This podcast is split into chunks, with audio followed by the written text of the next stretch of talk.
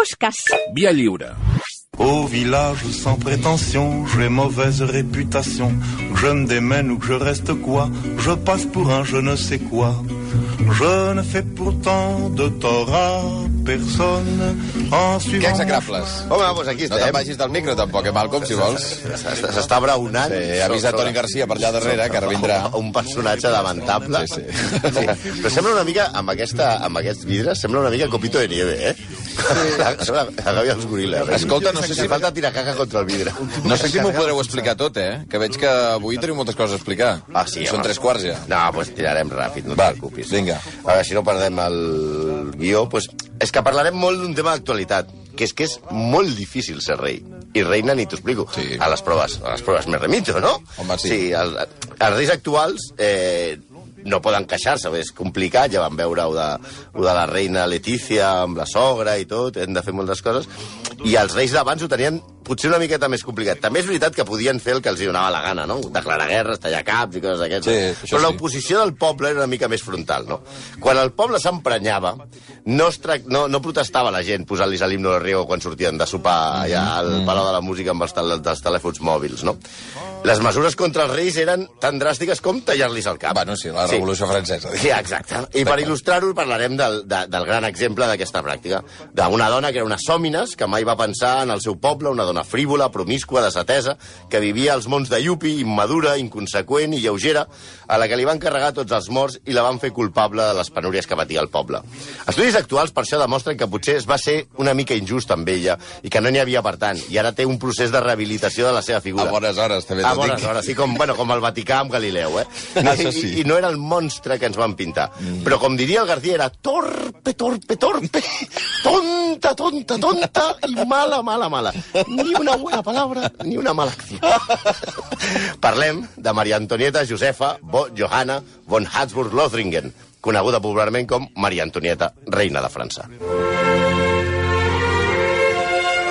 Oh, que bonic, això. Ara. Això és gluc. No estic acostumat, jo. Aquesta, bueno, aquesta ja, Ja pitjor, ja, ja. ja pitjor, eh? Ja, ja empitjorarà. No, com, com veurem, el principal problema de, de la nena era que al llarg de la seva vida no es va assabentar mai de res. I no és Quan estrany. dius la nena, vols dir Maria Antonieta. La Sí, reina la Maria Antonieta. Aquesta que va perdre el cap, sí. D'acord. No el va perdre, el van tallar. Bueno, va, sí. Endavant. I no bueno, és no, i després el van, el van tenir molt ben guardadet. És Ah, com sí? allò del... Jo perderé el ojo i dic, hombre, se lo he embolicado bien. Embolicado. No és estrany perquè al llarg de la seva curta vida va morir quan tenia només 37 anys, va viure Otoe allunyada del món. Per començar, no és que fos pija de naixement, no. És que era la nena mimada de la família amb més ringorrango del món i probablement de la història.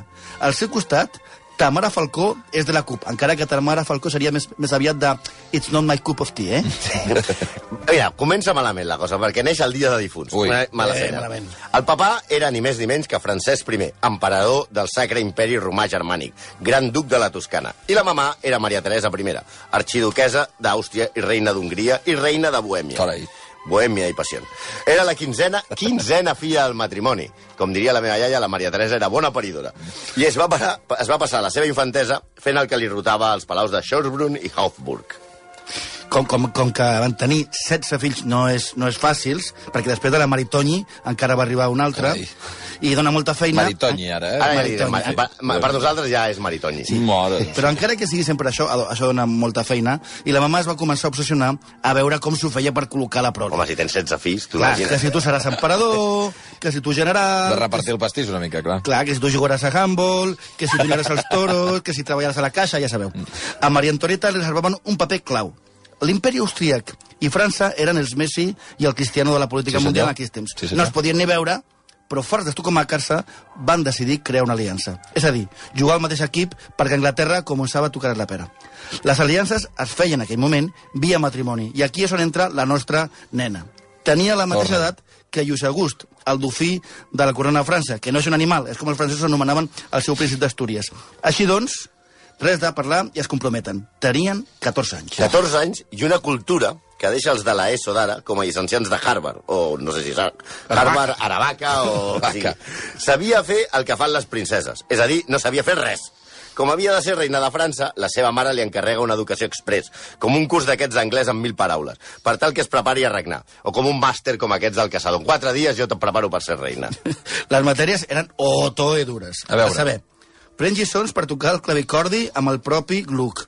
Que és de el ball que francès, estem que és el que hem dit escoltant. abans. De ball francès i de cant de i d'addicció. Ah, està bé, això. És a dir, semblava més que anava a Operació Triunfo que a regnar la segona potència mundial. Una cosa com Maria Antonieta, Maria Antonieta's Got Talent. Sí, això sí. Sí, les lliçons de cant i d'addicció li donaven uns actors, però com l'ofici d'actor estava molt mal vist a França a aquella època, i això que Jorge Sanz encara no havia nascut, els francesos van enviar-li a l'abat Vermont per educar-la, que era un senyor molt culte de l'època. És com si t'envien ara, jo què sé, a Pérez Reverte perquè, perquè, perquè t'ensenyi els fonaments de com has de ser rei, no? Vermont va comprovar que la nena només tenia ocells al cap i ja va veure que la cosa pintava molt malament. Vaja, és com si envies a Letícia Sabater a l'Actors Studio. Si això afegim que el dofí de França, el futur eh, Lluís XVI, tampoc és que fes una lluminària, diguem-ne que era un, bor un borbó poc preparat, què diantre, què diantre podia sortir malament? La boda estava a punt. El desastre, també. Home, Dinastia! ah, això mateix. Oh. Ja, va, o sigui, ja, va, ja anava de tort, això, eh? Ja anava a tot. La cosa comença molt malament. La rivalitat entre els que anaven de part del nuvi, que eren els francesos, i els Sí. que anaven de part de la núvia, que eren els austríacs, eren evidents. Van haver-hi en, aquell, en aquell casament i en, i, en, i en aquell matrimoni més complots que dinastia. Ja, perquè, i evidentment, no es suportaven. Els, els francesos i els austríacs, encara que fessin aquesta uh, aliança contra cor. La cerimònia de la boda va ser el més semblant a la boda del futbolista Wayne Rooney, que, com sabeu, va acabar a hòsties, en plan Gangs of New York, amb els familiars de la dona. Ah, no ho sabia? Van acabar, van parar Ah, el sí? trànsit a bufetades perquè... El casament del Rooney? Sí, perquè el, el, un tiet del Rooney li va fotre mà a la mare de, de la núvia. I aleshores es van començar a hostiar i van parar el trànsit a Liverpool. Per això Liverpool és bastant normal, eh, també Ah, dic. D'entrada, eh, per, perquè es veieu un, una idea del que va passar aquella Sí. boda, un escàndol de protocol. Les princeses de Lorena, família de la Toñi, surten a ballar abans que les grans duqueses de la cort francesa. Això, és, el que no- és, això és gravíssim. fatal, no? Això és gravíssim, intolerable. Ja començava malament la cosa. Sí, al final de la festa, i això és molt bèstia, es va fer un gran castell de focs artificials. Bueno, està bé, això. I ho van voler fer, però a lo bèstia, o toe bèstia, Sí. tant que van morir 132 persones. Poca broma, eh? Pel castell de focs? Sí, perquè va, 130 morts? va causar un incendi 132, perquè, tampoc. perquè els petards van caure a una barriada monubil de París. Oh, París, no, no. pas de l'ESO, és on passa les vacances Messi, eh? Ai, Va, Neymar. No, de moment Neymar. De moment Neymar, sí, sí. No es pot dir que Maria Antonieta comencés amb un peu, com podeu veure. Ni amb la cort, que... Celebrar el casament amb un, foc de, amb un castell de focs i I palmi 130 morts. 132, 132. No està malament, eh? De seguida van treure-li la pell a tires, tant al poble com la cort. Ni entre... El poble la veia com una estrangera invasora. I atenció, nens i nenes, perquè avui també aprendreu una cosa amb nosaltres, que per això estem aquí, per culturitzar-vos. Aprendrem el que és una paranomàcia. Paranomàcia. La paranomàcia és un recurs fònic que consisteix en crear un joc de paraules amb paraules que sonen igual però que tenen sentit diferent. Mm -hmm. Ja sembla complicat, però fins i tot de l'ESO ho entendreu amb aquest exemple aplicat a Maria Antonieta. Era austriaca, per tant, en francès, hostien, però les dames de la cort de Versalles era coneguda com l'autre chien, és a dir, l'altra gossa. Ah. I no era això el pitjor que li deien. Penseu que també li deien la lloba austríaca, Madame Déficit. Que Madame m'agrada. Déficit. Madame Déficit. Perquè li deien Madame Déficit a les seves perquè tenia la gran afició de fer festes brutals, un gust pels vestits tremendo, un, un guardarroba que, que ocupava com 4 o 5 salons de Versalles, Sí. i, eh, i feia, era molt aficionat als jocs de cartes amb elevadíssimes apostes. I coses molt pitjors també li deien en cançonetes que cantava el populatxo, però també les cantaven els cortesans, en la qual per dir-ho suaument, la deixaven com una dona fàcil. Una dona fàcil amb els homes, una dona fàcil amb les dones. També, aleshores, heu de pensar que no existien les revistes del cor, però sí una mena de pamflets difamatoris en els quals es deien tota mena de barbaritats sobre la reina. Més o menys com els programes aquests de tele d'ara de, de, d'ara del cor, mm -hmm. que, per tant, la cosa tampoc ha canviat massa. Ho fan per la tele, abans ho feien amb uns pamflets. Sí, a mi això de la, de la, de, del dèficit em sona Rita Barberà, po- pobreta, eh? Però conscient de que la cort no la, no, no, a la cort no la podia veure ni Déu, Maria Antonieta es retira a Versalles i es munta un palau particular al recinte, el Petit Trianon. Una mica com van fer els emèrits d'Espanya per tal que el senyor pogués quedar a gust i que la senyora no es trobés esmorzant a la tia de torn. El Petit Trianon va viure amb els seus favorits, el soldat suec Hans Axel Fersen, mm -hmm. el seu amant, la princesa de Lamballe, el baró de Bassenval, el duc de Cogny, la, seu, la duquesa de Polignac. No t'ho estàs inventant, els No, noms, no? los vengadores en perruca. Sí. Evidentment, Tu deies, que venga Fersen, de Sant Val, Conyí, Polinyà. És com la massa, el Capitán Amèrica i tal, però amb, per, amb perruques, no? què, què va passar? Pues que el poble i la resta de la cort comença Ja. amb el parlar d'aquest grupet. Penseu, ells vivien a part. Penseu que fins i tot el rei Lluís XVI havia demanat permís per escrit per anar a visitar la seva dona al Trianon, que, que eh, amb uns jardins a part es va fer construir una mena de parc temàtic imitant un poblet de camperols francesos amb vents, gallines, conillets, vaques, tots pasturant per allà, on tothom havia d'anar vestit de pagès en plan bucòlic. El poble es va assabentar i es va prendre aquesta iniciativa com una burla als pagesos de França, raro, que estaven passant bastant allà a. Port Aventura, allà, imitant-los.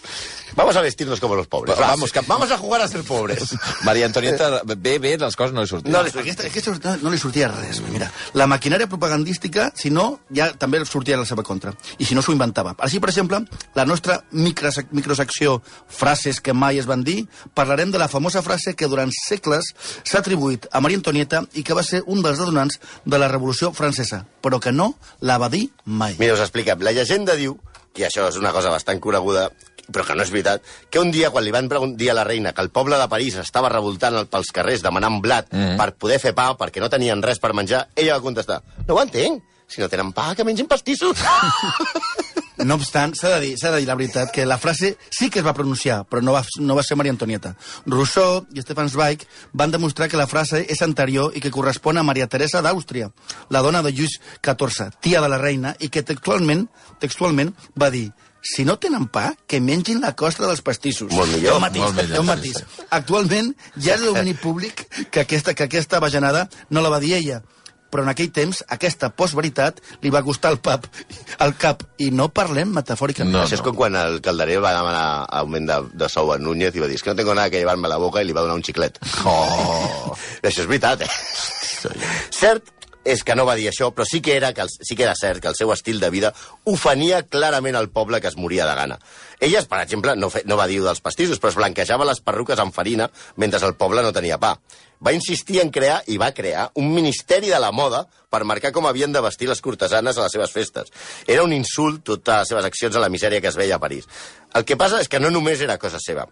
Ella s'enduia els pals, però era tota la cor la que despilfarrava. Penseu que, lluny del que surt a les pel·lícules, Versalles era una merda de lloc. Un lloc molt brut, on la gent cagava i pixava pels, pels, Apa, pels, pels, pels què racons. dius? Mira, hi havia tifes per tot arreu. home, no. I es va posar de moda entre els cortesans utilitzar sabates només un dia perquè quedaven tan brutes després de passejar-se pel Palau que quedaven desfetes i no es podien tornar a utilitzar. Per exemple, el comte d'Artois, germà de Lluís XVI, ordenava cada any que li fessin 365 parells de sabates. Un per cada dia de l'any. El s'ha riat. Preguntava la noblesa, la revolució francesa, que és Que puta que van ser... Ara m'imagino la Versalles com, la- com la mansió de Hugh Hefner, no? Evidentment, entre que el rei era mig bleda, que la reina anava per les seves coses i que la cort era una colla de vividors, al poble se li van inflar els pebrots i es va muntar la Revolució Francesa. Una revolució en la que la popularitat de la reina va venir marcada per un cas molt famós, el cas del collar. Un cas que, segons Thomas Jefferson o Napoleó, va ser la gota que va omplir el got de la paciència del poble i va condemnar a la llarga a Maria Antonieta. I hem de dir que en aquest cas ella tampoc tenia tota la culpa. Oh, Tampoc. ma mala sort, també. Però, com era una frívola i era una tia bastant primaveres, mai va arribar a calcular les conseqüències d'un cas que, per altra banda, si hagués passat a Espanya, encara estaria en una comissió d'investigació. Eh? Que- Quin és el cas del collar? Mira, per fer-ho ràpid, resulta que la, un, una cortesana, que era una estafadora, perdó per la redundància, va timar el bisbe d'Estrasburg, caigut en desgràcia davant els reis, i que li va dir, tu et vols congraciar amb els reis? I amb, pues, aleshores, regala-li a la reina un magnífic collar. I no parlem d'un penjol de tous, amb tots els respectes, parlem d'una peça absolutament inimaginable. 647 diamants de la més alta puresa, 2.800 quilars i un preu de 1,5 milions de lliures.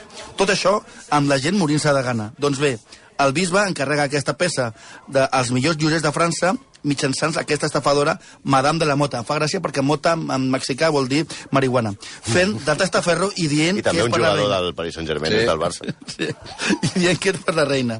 I que ho pagarà a termini, clar, Evident, perquè un milió i mig. evident, evidentment, el, el collar mai arriba a la reina, de la mota, quan el té, el desmunta les peces, els 647 brillants, i els ven per peces a Anglaterra i Holanda, el joier no cobra un duro, Oi, i com li havien dit que era per la reina, ell la denuncia, i el bisbe també la denuncia. I la reina no tenia ni patata de què coi li estaven parlant. La reina reacciona fe- fent detindre el bisbe i li surt el tret per la culata, perquè els jutges i el poble, com ella tenia tan mala fama, van posar-se al costat de l'avariciós clergue, que a més a més era idiota del cul, i van culpar a Maria Antonieta de gastar-se 1,5 milions en un collar que mai es va posar.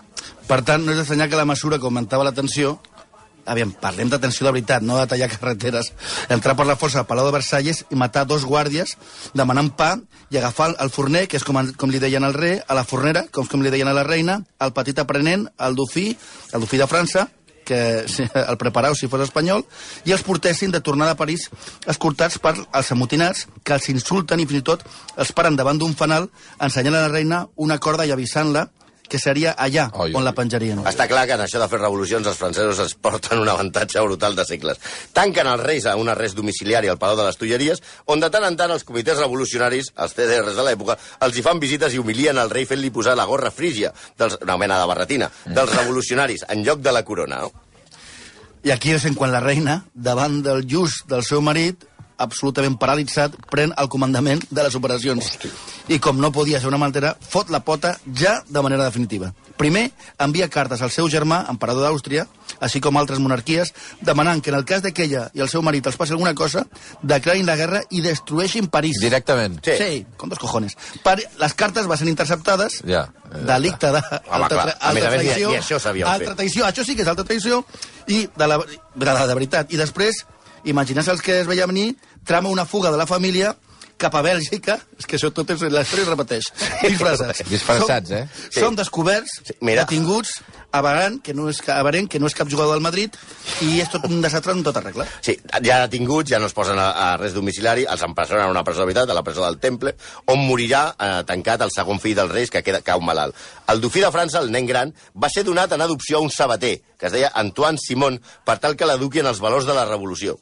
El rei el jutgen i li tallen el cap a la guillotina el 21 de gener de 1793. Des d'aquell dia, Maria Antonieta sap que té les hores comptades. Des de la seva cel·la, que comparteix amb dos vigilants, amb dos soldats, separada només per un biombo, veu per la finestra com li ensenyen, penjada amb una pica, el cap de la princesa de Lambal, la senyora aquella que es vestia de pastoreta i jugava a ser pobra amb ella i al Trianon.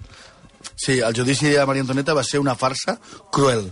L'acusador públic, Fouquier, Fouquier Tinville, va, ser, va, mm, va fer declarar contra la seva mare el seu fill, el que vivia amb el sabater, Sí. que va declarar que Maria Antonieta i la seva tia, Madame Isabel, li incitaven a la masturbació. Home, Però això, això sí que no. un moment. Un moment. Però què té, un a ve- què té a adolescent- veure tot un això? adolescent Que no qui. No, no, un adolescent. intentar dir que un adolescent l'inciten a la masturbació és no conèixer els adolescents. Exacte. No fa falta que Si ningú un cas, el- el miracle bueno, seria al revés. ni a ningú, vau. Seria al revés. I també deien que l'obligaven a participar en jocs sexuals. I és declarada culpable d'alta traïció el, el 17 d'octubre i és guillotinada després de passejar-la pels carrers de París on la gent la va insultar. Un rotllo com Juego de Tronos. Aquell dia es va llevar amb els cabells blancs, el que els metges anomenen una alopècia areata, que cauen els cabells per l'estrès i els blancs, com que són més forts, resisteixen i donen la impressió de que t'han canviat de color. I que comúment els dermatòlegs anomenen síndrome de Maria Antonieta. Ara li dirien síndrome d'entrenador del Barça. És allò que es van tornant els cabells blancs. Sí. Una història molt trista per una dona que era un peix bullit i unes hòmines, però que tampoc mereixia acabar així, potser és massa, no? Fins i tot al pujar al cadals, per ser guillotinada, mireu, mireu que era bleda, va ensopegar i va trepitjar el peu al butxí en plan Casemiro a qualsevol rival i li va demanar disculpes. Li diu, disculpi senyor, no ho he fet a propòsit. I el tio que li anava a tallar, a tallar el cap, diu, va ser enterrada al cementiri de la Madeleine i jo que et deia, ben embolicat, amb el cap entre les cames. Ràpidament, que passen 4 minuts de les 11. Ja estem. Vinga, Va. Micromachín. Però per no acabar amb un final tan tràgic, anem a animar la cosa i parlarem de sexe. Ràpid. De sexe ràpid, com sempre. Sexe, clar. com sempre. Sobre Maria Antonieta i el seu marit es va especular de tot, que ella era una ninfòmana amb tendències lèsbiques i que ell era homosexual. De fet, tot va quedar aclarit en el moment en què es va descobrir la correspondència d'ella a la seva família, en què ho explicava tot. I tot és tot. Tot és tan tot que fins i tot sabem el dia que va fotre el primer clau Ai, amb el seu marit. ai. Que si, si ho voleu saber, va ser el 30 d'agost de 1777. Set anys després de casar-se amb Lluís XVI. I no, no eren informàtics, eh? Oh! El que passa és Però que ha per estat, qüestions... ha estat molt greu això que acabes de dir, eh? El que passa és que per qüestions fisiològiques no podien fer l'acte sense sentir molt de mal. Ah, sí? sí. Veient que no tenien descendència i que tampoc dormien junts, el rei va fer visitar a molts metges per descartar la impotència. Fins i tot Josep II d'Àustria, germán gra de la reina, va visitar el seu cunyat per veure si li funcionava el trasto i que va fer que trempés davant d'ell. Mira, tu imagina't que t'arriba el teu cunyat i diu, a veure, tu, aixeca, arriba, que jo sepa que arriba. mi hermana està con un hombre tot. Arriba. En una Arriba. carta al seu germà, Leopold, emperador d'Àustria, constata que el cunyau té bones ereccions i que aquest no era el problema. No, no només tenia bones eleccions, sinó que a més estava dotat de un brachemar assez considerable. Nacho Vidal. És a dir, vale, un bé. cubat, Sí, sí, sí. vaso de cubata. Sí, però, vinga. però tenia un problema gegantí de fimosi que li causava molts dolors quan aixecava la grua.